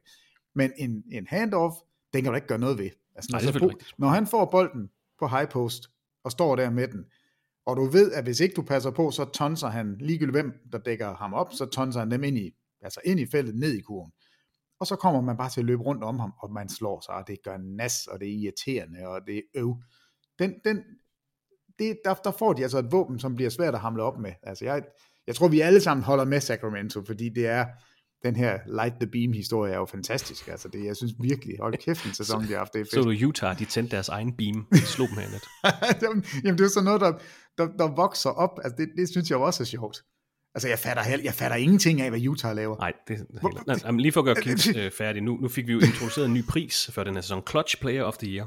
Og jeg tror, vi har fundet ud af, hvordan man øh, definerer den pris. Og jeg tror, eller meget tyder på, at det er det Aaron Fox, der kommer til at få den pris, fordi han har øh, med længder flest point i The Clutch i den her sæson. Øh, så der får vi i hvert fald den første vinder, tror jeg, det bliver Darren Fox. Jamen, det er jeg enig med dig i. Der er flere, der siger, at, at altså, pas på Joel Embiid, som har haft et par buzzer beater, game winners, øh, og været virkelig effektiv i slutningen af kampe. Men jeg synes også, at Darren Fox har, har været navnet hele vejen igennem. Og jeg ved ikke, om NBA de har tænkt sig ordentligt om, da de lavede de her priser. Altså, tror du, de har vidst, hvad, hvad det var, de gik efter? Altså, vi har jo selv talt om det. Hvad, bliver det et game-winning block? Bliver det en buzzer beater, den bedste buzzer beater, bliver det... Bliver det flest point inden for de sidste fem minutter af en kamp? Altså det, ja, bliver det, det, det sammenlagte tal der, jamen, der er nogen, som slet ikke kommer ind i ret mange clutch minutter, fordi deres hold er for godt. Øh, så, så hvordan i alverden skal man måle det ud? Men jeg vil ikke have noget problem med, hvis det blev Darren Fox, og det var også, han er den eneste, jeg kunne stemme på lige nu, fordi det vil give mening. Jeg synes, det er sådan en mærkelig pris, men jeg skal heldigvis ikke stemme, så vi to kan bare give den til Darren Fox, og så kan han få Light the Beam og I don't give a foxy. De kører videre. Summa summarum, der er stadig lidt op for uh, Domantas Sabonis op til uh, ja, de rigtige MVP-kandidater, kan vi godt sige. Men han skal i hvert fald nævnes som en dark horse, og i hvert fald en, der er på, uh, skal vi sige, top 10 i hvert fald. Check. Det var tidsspring tilbage til stillingen i NBA her onsdag den 22. marts. De 30 hold har spillet mellem 71 og 74 af grundspillets 82 kampe. Vi er altså nede på at mangle blot 8 til 11 kampe per hold af regular season. Denver Nuggets, Philadelphia 76ers og Boston Celtics har også sikret sig pladser til forårets slutspil. I sidste uge snakkede vi om, at Milwaukee Bucks som det første og på det tidspunkt eneste hold havde booket billet til playoff. Nu har Nuggets, 76ers og Celtics altså joinet dem. Desværre, Peter, så må vi se langt efter Charlotte Hornets. De kan nemlig ikke længere nå det. Vi håbede på det sidste. Super ærgerligt. Hornets har ellers spillet med i play-in-turneringen i de sidste to sæsoner, hvor de har fået læsterlige klø begge år, men det bliver altså ikke engang til play-in i Charlotte i år. Syv sæsoner i træk har Hornets misset slutspillet. Vi kommer til at snakke mere om Hornets udsigter i en, i en fremtid. Jamen, det er trist. Jeg kan godt forstå, Men, jeg kan godt forstå at Jordan han gerne vil sælge. Tak for det. Det får mig væk. Ja. og måske er det også det bedste, der kunne ske for Charlotte, at de fik en ny, ja. en, en ny chef ind, som ville kigge på holdet på en lidt anden måde, men de har heller ikke haft ret meget gående for sig. Altså det, det, det, det må man sige. Det er lidt synd for Charlotte, men nu ved de det mindste, at de ikke skal med i slutspil. Ja så kan de forberede sig på det. Apropos, jamen, altså, øh... jamen ikke engang det kan de finde ud af nu. Altså, de er jo det fjerde dårligste hold, uden chance for at blive blandt de tre dårligste. Så, så den har de heller ikke ramt lige i bagdelen. Altså, vi er bare dårlige. Det er sådan, de er. og apropos øh, Michael Jordan, et hold, der til gengæld har lidt mere og bedre vind i sejlene. Chicago Bulls 5-1 i deres seneste seks kampe, hvor de blandt andet har vundet over topholdet i Western Conference. Denver Nuggets, de har vundet over Miami Heat, de har vundet over Philadelphia 76ers, de har været i to dobbelte overtidskampe og vundet dem begge to og de er faktisk 8-4 siden Patrick Beverly kom til klubben. Du kaldte den, Peter, at han kunne indføre noget nyt øh, vildskab til klubben. Et lille push for Bulls her i slutningen af grundspillet. De er stadig kun nummer 10 i Eastern Conference, bare roligt. Men om ikke andet, så trender de den rigtige vej, må vi bare sige. Jamen altså, jeg, jeg, er, jeg er helt med på, hvorfor. Altså, det er fordi, der kommer en fandelig volds point guard ind, som råber og skriger og skaber sig, og faktisk kræver af sine medspillere. Altså, selv DeMar DeRozan mange gange All-Star, Zach Lavine, og All-Star, så kommer lille latterlige Patrick Beverly ind og råber og skriger, og du kan ikke, altså, du, du kan ikke lukke munden på ham, og du kan heller ikke slås med ham, fordi så ved du, du taber. Du bliver nødt til at yde en lille smule mere, når Beverly er der. Og han har altså den effekt på sine medspillere. Det kan godt være, at det aftager en lille smule, at man ikke kan høre på ham i flere år. Altså, så kan det godt være, at man til sidst siger, ah, okay, slap af, makker. Men det han har fået, altså, det lykkedes ham at få tændt en lille ild i røven på dem. Altså, det er som om, at det er gået op for dem, vi har faktisk en chance for at komme ind for, ikke bare i, i play-in-kampen, men hvis vi er rigtig gode, så kan vi måske nå op og fange det der Brooklyn-hold, hvis de skvatter hele vejen igennem. Det er nok ikke realistisk, men giv jer selv en chance for at se, om I kan komme ind i slutspillet. I har, sidste år var det tre All-Stars, altså Vucevic kom til, og nu skulle de virkelig, nu, nu skulle de bare køre. Det har jo vist sig at være helt forfejlet. Men det er stadigvæk, altså, Zach Levine kan score 50 point, DeRozan kan score 50 point, Vucevic kan på dagen score 40, og nu har du den der lille bjeffende point guard, der, der råber og skriger. Altså, jeg, jeg, jeg elsker, at han er kommet til, og han passer godt ind, Og Chicago er, jeg vil ikke sige, det er en farlig outsider, men altså de der, de der er blevet lidt mere interessante, efter han er kommet til. Trender i hvert fald den rigtige Ja, de, sige. de trender opad, det er rigtigt. Men ellers er det ret meget status quo i Eastern Conference. Milwaukee Bucks har haft førstepladsen i hele marts. Boston Celtics ligger på andenpladsen. Philadelphia på tredjepladsen. Cleveland har ligget på fjerdepladsen hele marts. Øh, Knicks har femtepladsen. Nets ligger på sjettepladsen. En halv kamp foran Miami Heat, der til gengæld har ligget på syvende pladsen i hele marts. Atlanta Hawks har haft 8. pladsen i hele marts. Toronto har haft 9. pladsen i hele marts. Og så som nævnt Chicago Bulls øh, hoppet op og taget 10. pladsen fra Washington Wizards. Hovedstadsholdet, der er i gang med et, øh, et mindre kollaps, kan vi godt sige. 2 og 8 i deres seneste 10 kampe er faldet ned på, på 12. pladsen. Så altså flere hold, der gennem hele marts har ligget på de faste pladser. Så stort set same procedure as last week, når det kommer til Eastern Conference. ja, altså 1, 2 og 3, det, det bliver sjovt at se, hvordan de fordeler sig, specielt andet og, og tredje seed. Mm. Men, men der, hvor jeg har mit fokus lige nu, det er faktisk nede på, på Brooklyn og Miami. Altså, kan Brooklyn holde Miami stangen? De har vundet den indbyrdes. Det skal vi huske på. De har vundet de to første kampe, de har spillet mod hinanden. De mangler hinanden en gang mere. Lad os sige, Miami kan vinde den. Så har de indhentet dem i altså loss column. Så har de 34 nederlag begge to, hvis, hvis vi siger, at Miami vinder. Øh, hvem af dem kan så gøre det bedst i deres sidste kampe?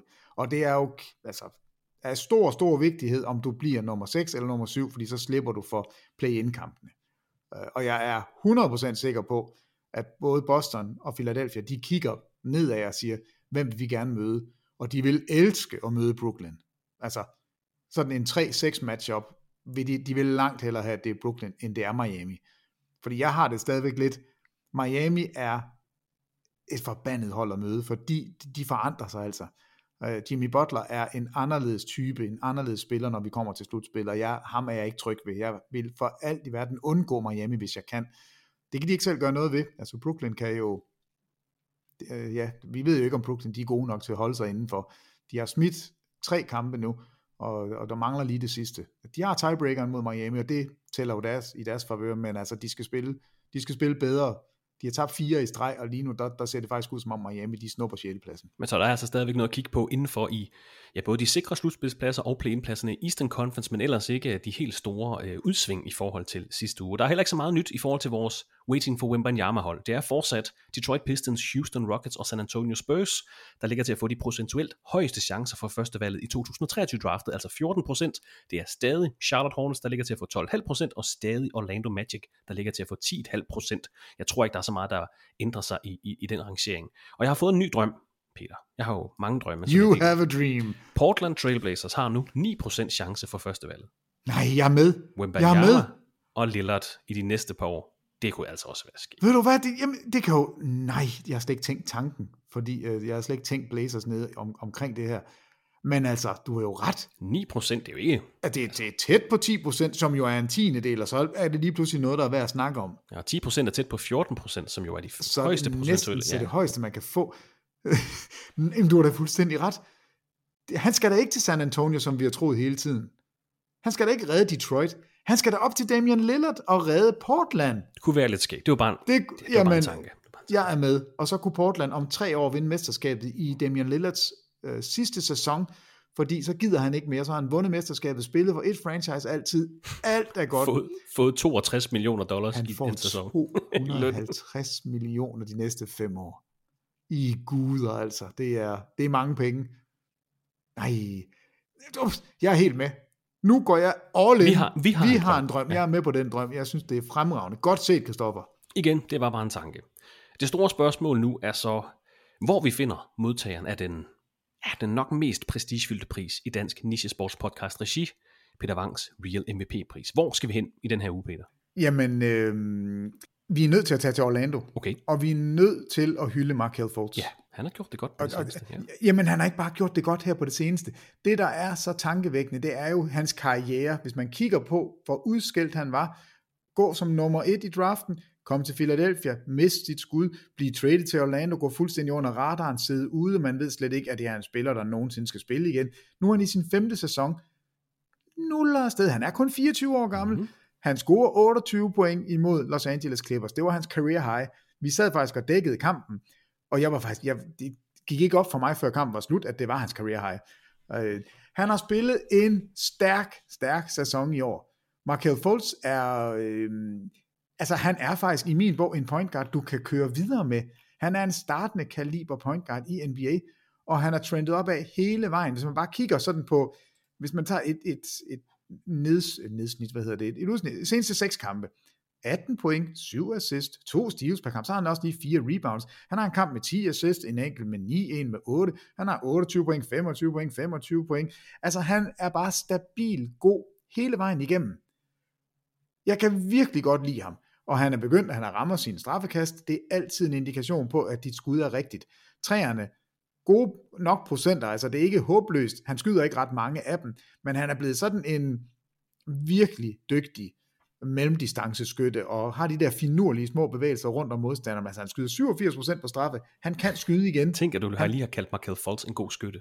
Jamen, Jamen, altså, det, det, og det er ikke for nej, nej, at gøre ham eller noget nej. Det, er bare, det var det, der var hele humlen ved ham. Han, han, kunne, altså. Altså, han, kunne jo, han kunne jo simpelthen ikke gennemføre skud. Jeg synes stadigvæk, skud til mærkeligt ud, men hvis jeg kigger på procenterne, så må jeg bare erkende, at, at det er der.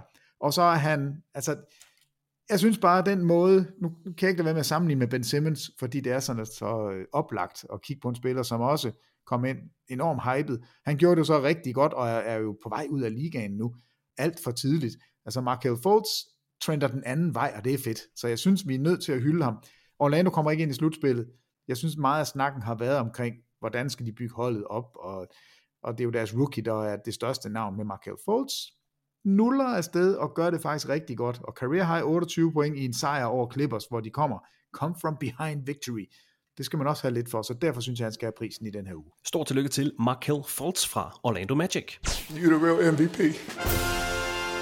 Og mens øh, Peter Wangs udvalgte i Real MVP-logen bliver forkælet med kærtegn og vin for dyre glas, så er der kun skorberest og slatter tilbage til en helt anden gruppe spillere, navne, der har været spillet til en knap så ønsket pris. Ugens Jalen Green Award gives hver uge til en undervældende præstation af opkald efter den spiller med den laveste samlede plus-minus i sidste sæsons grundspil, Jalen Green for Houston Rockets.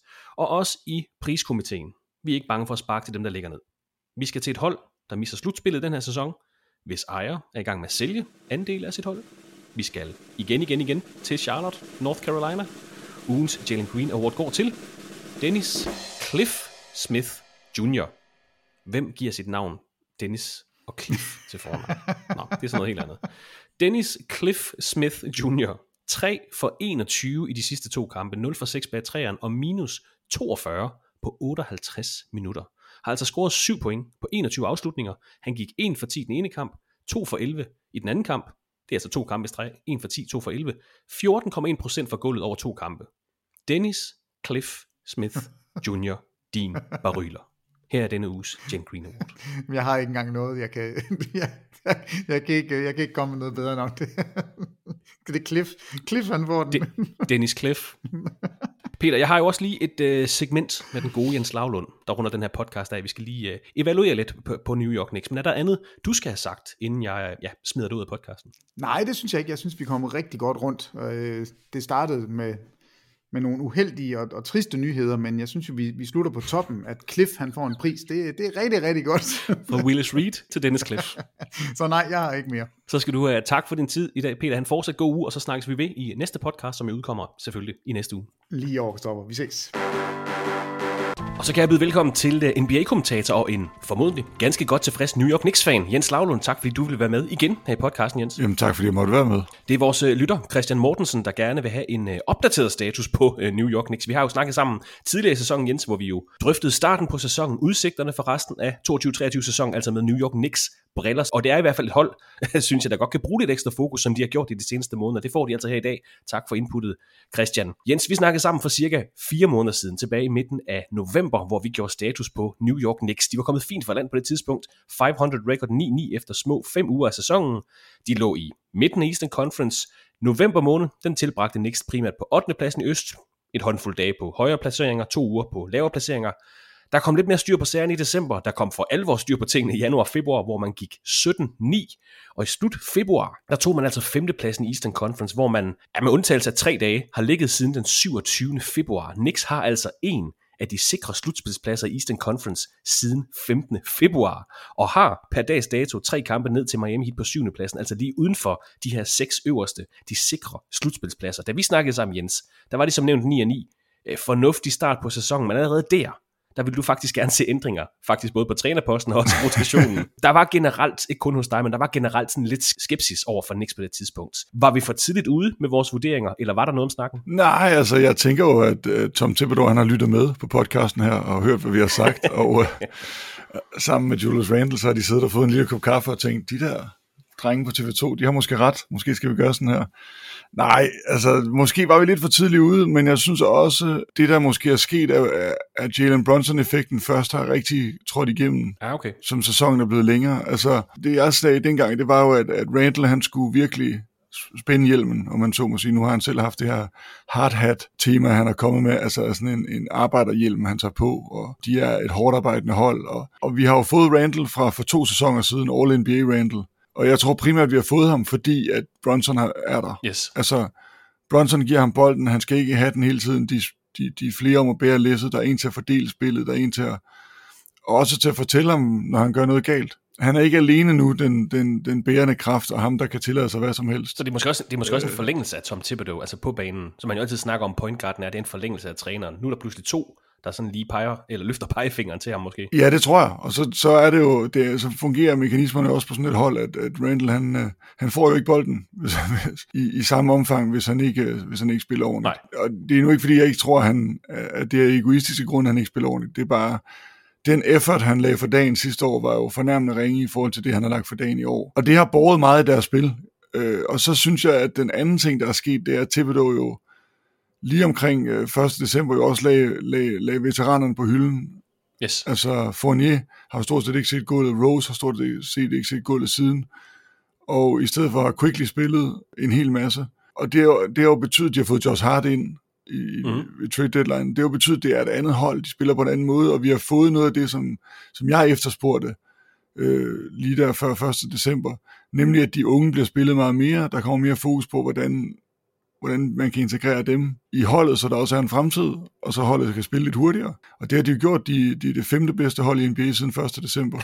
det er og, også øh, vildt at tænke på. Altså. Ja, det, det, er, det, er, det er super vildt, men, men de, de er jo ikke et hold, som nogen har lyst til at møde i slutspillet nu. Hvordan det kommer til at gå dem, det er en, det er en anden historie, men, men de er ikke et hold, nogen har lyst til at møde, og de er med længder bedre end både Brooklyn og Miami, som ligger bag ved dem, synes jeg. Og som nævnt, det var altså et, et 500-hold, sidst vi snakkede sammen Jens her i dag, onsdag den 22. marts. To og en halv uge tilbage i grundspillet, der er de 42-31, altså 11 kampe over den her 500 record.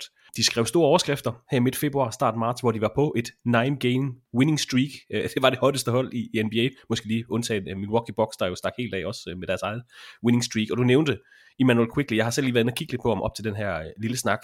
22 minutter per kamp i oktober og november. Over 30 minutter i snit i de sidste fire måneder. Og, og det er måske et dumt spørgsmål, nu nævnte jeg det her med Quickly. Du efterspurgte helt præcis, som du også siger, tilbage i november. De unge spillere skulle sættes mere i scene. Tom Thibodeau, de skulle, han skulle stoppe med at spille Evan Fournier, Derrick Rose, bruge Quickly, Obi Toppin, Jericho Sims mere. Men synes du, at de unge spillere blev sat mere i scene? Eller er det mere et resultat af den her altså at, at holdet finder mere sammen. Det kræver, altså man kan jo heller ikke evaluere på et hold efter 18 kampe øh, kun. Øh, men er det, en, er det en kombination af de to ting? Er det, at, at altså de, de tilførte jo også Jalen Brunson, de tilførte Isaiah Hardenstein, de skulle lige have Josh Hart ind på holdet, han passer perfekt ind på holdet. Så måske har man også bare skulle finde sig selv, og det er, også, det er jo det er også dumt af os to at sidde og sige, jamen de, sådan her var de sidste år, sådan her var de forrige, jamen det er jo nye spillere. Øh, nogle gange skal holdet jo også bare lige finde hinanden. Ja, det tror jeg, men som jeg også sagde med Brunson, det handlede om, at, at, at, at han skulle spilles ind og ligesom være kaptajn, og rollefordelingen mellem ham og Randall skulle være, skulle være klar, men jeg synes, jeg synes, der ligger noget i, at Quickly og Toppen, men særligt Quickly er, er, er begyndt at spille meget, meget mere. Det har givet dem en anden dynamik, og så er det klart, at der er nogle spillere, der skulle spilles ind. Hart er jo først kommet meget, meget sent. Ja. Og så må jeg bare jeg må jo tage hatten af for Tom Thibodeau. Altså, en af de mest stedige, jeg kender ham jo ikke personligt, men, men, men på overfladen en af de mest stedige mennesker og træner, basketballtræner, man kan forestille sig. Han er ikke en mand, der laver om på sine principper, øh, særlig, særlig ofte. Men han har jo i år, måske er nød, det ved jeg ikke, men han, han har i hvert fald han har i hvert fald bestemt sig for, at nu, nu skal der, nu er der nogle unge spillere, der skal have nogle roller, der skal, der skal, der skal hvad hedder det? Ja, som du siger, sættes mere i scene. Sættes altså, mere ja. i scene. Det, ja. det er Quentin Grimes, det er Manuel Quickly, så Barrett har altid været der, og han har måske nok trådt lidt i baggrunden her. Mm. Men, øh, men, men altså Quickly og Grimes har jo virkelig, virkelig fået mange, mange ja, minutter. Grimes har jo været, han har været starter for dem hele sæsonen, andet år ja, ja, præcis. det er ret godt set. Det synes jeg, og han har jo tilført også noget af det her, lidt ligesom Josh Hart, altså en spiller, som, som, som virkelig gerne vil dække op, som kender sin rolle, som går til den og, og har det her hårdt arbejdende gen. Og det er også derfor, det er også derfor, at New York de er et hold, som mange andre hold ikke har lyst til at møde, for det gør lidt ondt, hver gang man møder dem. altså, der, der er pladser, hvor de ikke er de mest talentfulde, men, men, men de går ikke hjem uden at have, have gået til den. Nej, det er jo meget New York, kan man sige. Det passer jo rigtig godt ja, præcis. i, i holdets historie. Præcis, og det er, jo derfor, det er jo også derfor, det her hold, og det betyder også noget, det, som vi har berørt det sidste gang, at det her hold har jo vundet publikum, som man siger, you win the crowd. Og Madison Square Garden er et svært publikum. Til gengæld, når du har dem, så er de den her sjette mand, som du kan tage med dig. Øh, så er det the world's greatest arena. Og det her hold har virkelig vundet publikum, og har dem, har dem med sig i, i kampene. Det, men vi skal jo bare et år tilbage, hvor Julius Randle han blev budet ud af, ud af Madison Square Garden. Jamen, det er utroligt så hurtigt, det kan gå. Og brugt, det er helt vildt. Og brugte hver pressekonference i en måned på at tale om hans... Øh, hvorfor og hvorfor ikke han var i konflikt med, med, med, med tilskuerne i Madison Square Garden. så, så altså på den måde, så, så er, det jo, er det jo en helt anden medvind, de har øh, i den her sæson. Og, og jo et hold, der også ser utrolig spændende ud frem mod næste sæson, fordi de, fordi de nu har en kerne, som man, hvis man var en, en spiller udefra, måske gerne vil spille med, men også, de har vist nu, at hvis de, hvis de spiller sådan her en hel sæson, så er, de, så er de også et hold, der ender i, i, i toppen af Eastern Conference.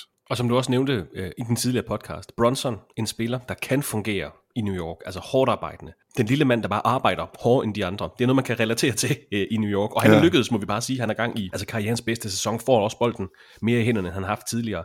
Og en, en anden indgang til vores snak tilbage i november, en anden indgang til bare snakken om New York Knicks, det var jo også om det her hvad er Julius Randle? Sidste sæsons udgave, hvor han netop lægger sig ud med, med hjemmebane publikum med hele organisationen næsten, eller får vi forrige sæsons udgave af Julius Randle? All NBA og All-Star spiller. Så god er han altså, Julius Randle. Yep. Og, og, og, det må vi bare sige, altså, vi har fået forrige sæsons mere motiveret, bliver bedre sat op, og så lige pludselig, Jens, så leverer man 57 point, som han gjorde her i mandags. Tredje flest nogensinde, altså i Knicks historie. Det er et af de oprindelige franchises i ligaen. Ja, og to, tredje flest 52 point, point efter tre perioder, hvilket er endnu mere... Ja. Kun overgået af Carmelo Anthony og Bernard King. Altså uh, Bernard King i hvert fald en Knicks-legende. Carmelo Anthony selvfølgelig en stor profil, også en kommende Hall of Famer. Men, men fantastisk, vi kan se den her udgave af Julius Randle igen, efter hvad vi så sidste år. Ja, øh, super fantastisk, og man må tage hatten af og, og tippe den til ham og sige, hvad hedder det? Uh, altså, det er utroligt at, at gå fra så god en sæson til så dårlig en sæson til at komme tilbage og spille en sæson, som jo faktisk er bedre end den sæson, han spillede, da han var All-NBA for to år siden. Ja. Altså, det ligger også lun til, en, til en All-NBA-plads i år, vil jeg sige. Ja, burde, burde blive det, synes jeg. Og, og øh, altså 25,6 point, 10,2 rebounds, 4,1 assist og gode procenter. Mm. Altså, altså jeg synes virkelig, jeg synes virkelig, at han, han, har, han har trådt et skridt op. Og det, det er kredit til ham, men det er også, synes jeg, som vi har givet måske i, lidt i overflod her, med en stor kredit til Brunson. Fordi Brunson, han, han er i scenesætteren, han er arkitekten, og han er også hjertet på det her hold. Lige så meget som Julius Randle er mand, der ligger de fleste point i kurven, så kan man bare se, at de kampe, hvor Brunson ikke er med, der har de store problemer. Men man kan jo sige, at den helt store forskel fra sidste sæson, hvor de får en 11. plads, altså det er jo Jalen Brunson.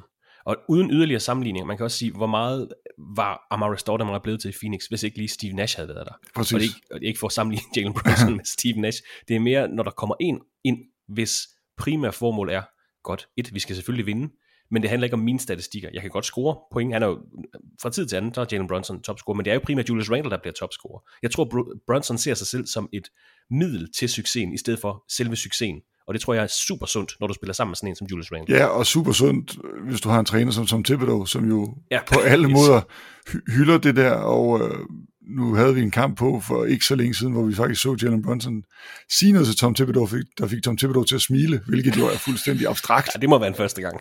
ja, præcis. Det er ikke noget, der sker. Det burde være på ugens top 10. Men det betyder også, at, at hvor jeg jo øh, mente, at, at Thibodeau måske ikke var den rigtige til at sætte det her hold til det næste niveau, så er han måske den rigtige, fordi han nu har fået et talerør, som kan nå spillerne igennem Jalen Brunson. Ikke at han ikke havde spillerne før, men der var ligesom en, også en lille smule disconnect mellem ham og Julius Randle, og mellem den måde, som de måske burde spille på, og den måde, som, øh, og som spillerne gerne vil spille på, og den måde, som de blev spillet. Øh, og det har han vendt på hovedet, og virkelig givet minutter til, som vi sagde, Quickly, Grimes, Hardenstein, og også faktisk til Jericho Sims.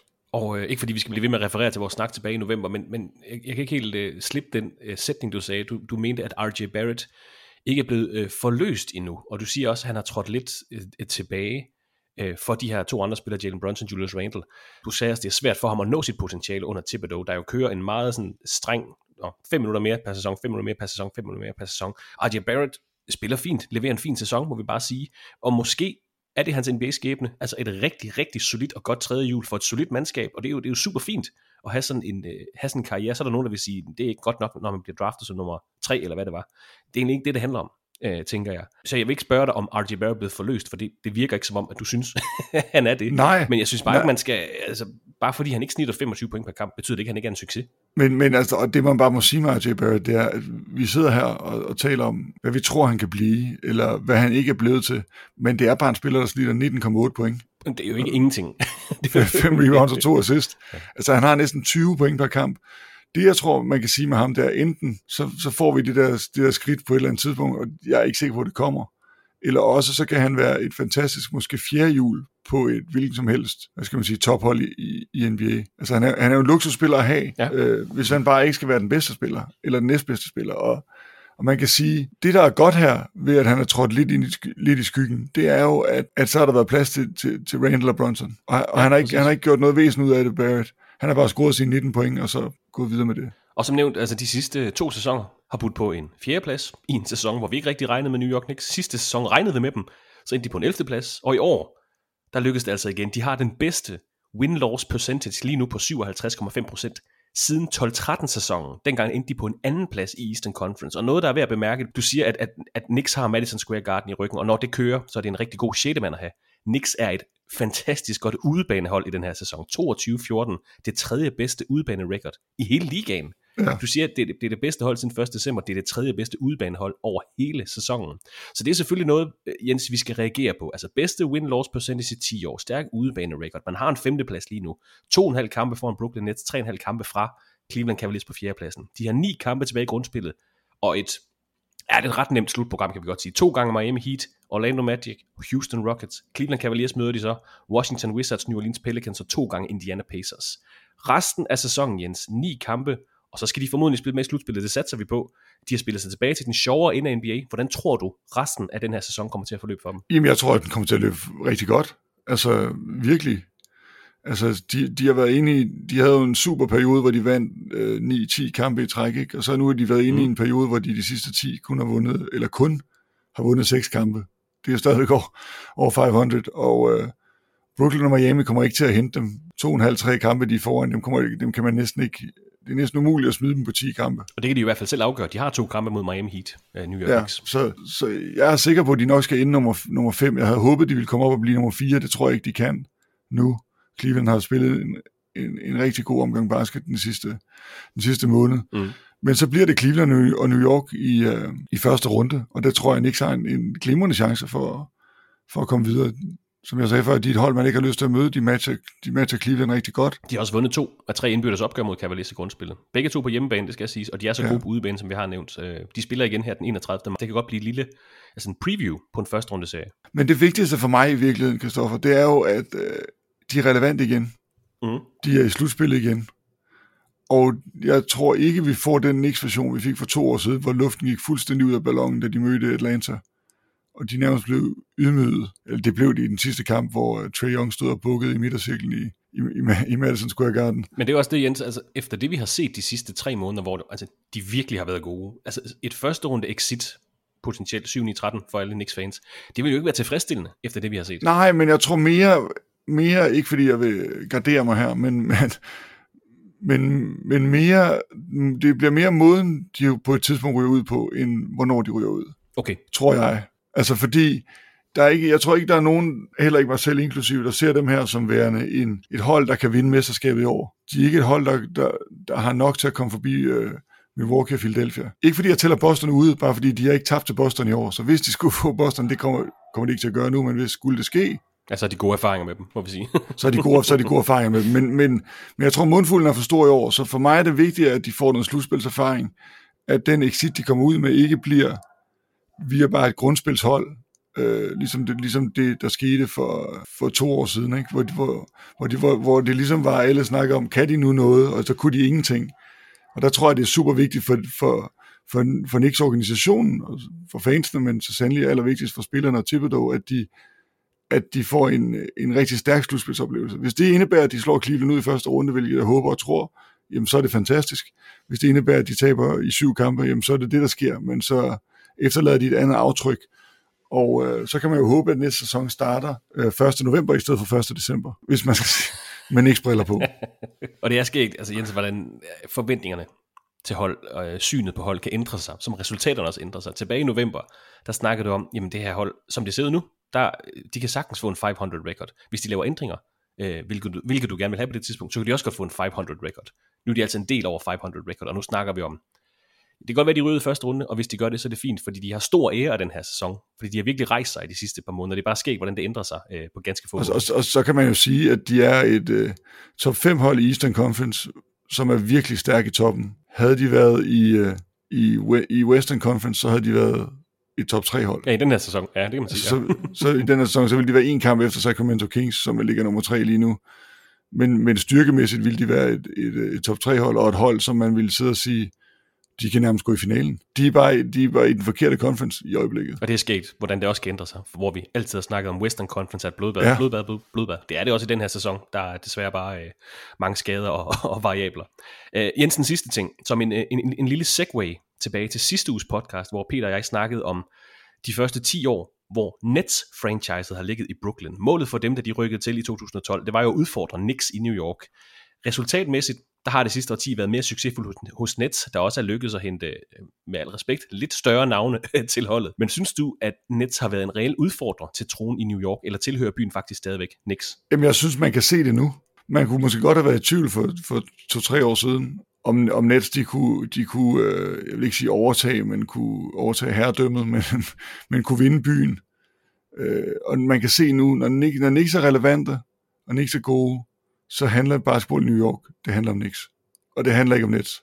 Altså, og det, det er jo fedt nok, de er der. Det ligger ude i Brooklyn. Ja. Der er ikke nogen, der, der hader dem. Det er bare ikke det samme. Det er lillebror. Altså, på en eller anden det er lillebror, og hvis, hvis, øh, når begge hold er gode, så hvis du, hvis du, hvis du tager på bar i New York, så viser de Knicks kampe. så de er der ikke helt nu net, det er det, du siger? Nej, det er det ikke. Og men, men det man også kan sige, det er jo sådan rent psykologisk. Altså, der er så mange mennesker, der har brugt så meget tid i deres liv på at holde med New York Knicks. Så når først de bliver relevante, fordi der er så meget misery indimellem, så, så, så, så får de også ekstra shine. Men det er lidt ligesom Lakers og Clippers må man, må man bare sige. Altså, du kan gøre meget, og du kan, du kan næsten vinde et mesterskab, og stadigvæk så vil, så, så vil byen nok tilhøre det, det hold, der også har den længste historie, og det har New York Knicks jo. Det er simpelthen indgroet i, i folkene ja. der i, i, i New York. Og du kaldte den også tilbage, da vi snakkede i november, hvor du sagde, jeg har ingen tiltro til det, der foregår i net, så det, det er godt kaldt, fordi det, det gik også hurtigt øh, den anden vej. Øh, nu må vi se, hvordan det øh, flasker sig for, for Nets. Er der mere at sige om, om New York Knicks i resten af sæsonen, Jens? Det har været en super øh, flot turnaround ikke fordi det så så dårligt ud i starten af sæsonen. De er i hvert fald tilbage på toppen. Nick skal vi godt øh, sige. De er relevante. Det bliver skægt at se dem i slutspillet, hvis det bliver mod Cleveland. Det kan godt blive en rigtig sjov serie, også med historien om, at man ville så gerne have Donovan Mitchell. Man fik Jalen Brunson, og Jalen Brunson har vist sig at være en rigtig god spiller. Det har Donovan Mitchell også for Cleveland, det er slet ikke det. Men øh, masser af sjove historier. Det kan godt blive en super sjov første runde serie. Ja, og Brunson, der jo også har vist øh, i Dallas, at da, da Doncic var ude, så kunne han også godt vinde nogle slutspilskampe. Så, så det blev et, med den, med den, hvad skal man sige, med den historiefortælling, du lige ligger for dagen, der, der bliver det jo også for Bronson en, en måde, ikke kun at, at nu har han trådt op på den store scene, men træder helt op på den helt store scene. Øh, og får lov til at vise, det kan godt være, at, at, at folk de sagde, at jeg var the second place prize, selvom han jo blev købt, eller signet før, at de kunne signe Mitchell. Øh, at jeg var købt til hver anden violin, men det, det, det behøver jeg ikke, fordi jeg kan godt levere helt selv. Og det synes jeg, han har gjort i år, og det tror jeg også, han kommer til at gøre i slutspillet. Det bliver spændende at se, hvad de sidste ni grundspilskampe kommer til at byde på for Knicks, og hvordan de kommer til at klare sig i forårets slutspil. Jens Lavlund, tak for din tid i dag. Altid en fornøjelse, og du må have god fornøjelse med resten af NBA-sæsonen og New York Knicks. Tak skal du have, og tak fordi jeg måtte være med. Og tak til dig, der lyttede med her i NBA-podcasten fra TV2 Sport. Vi håber, at det hele var værd at lytte til, at du finder os igen i næste uge, hvor vi også skal have fokus på et af ligands 30 mandskaber. Men mere om det i næste uge på Genhør.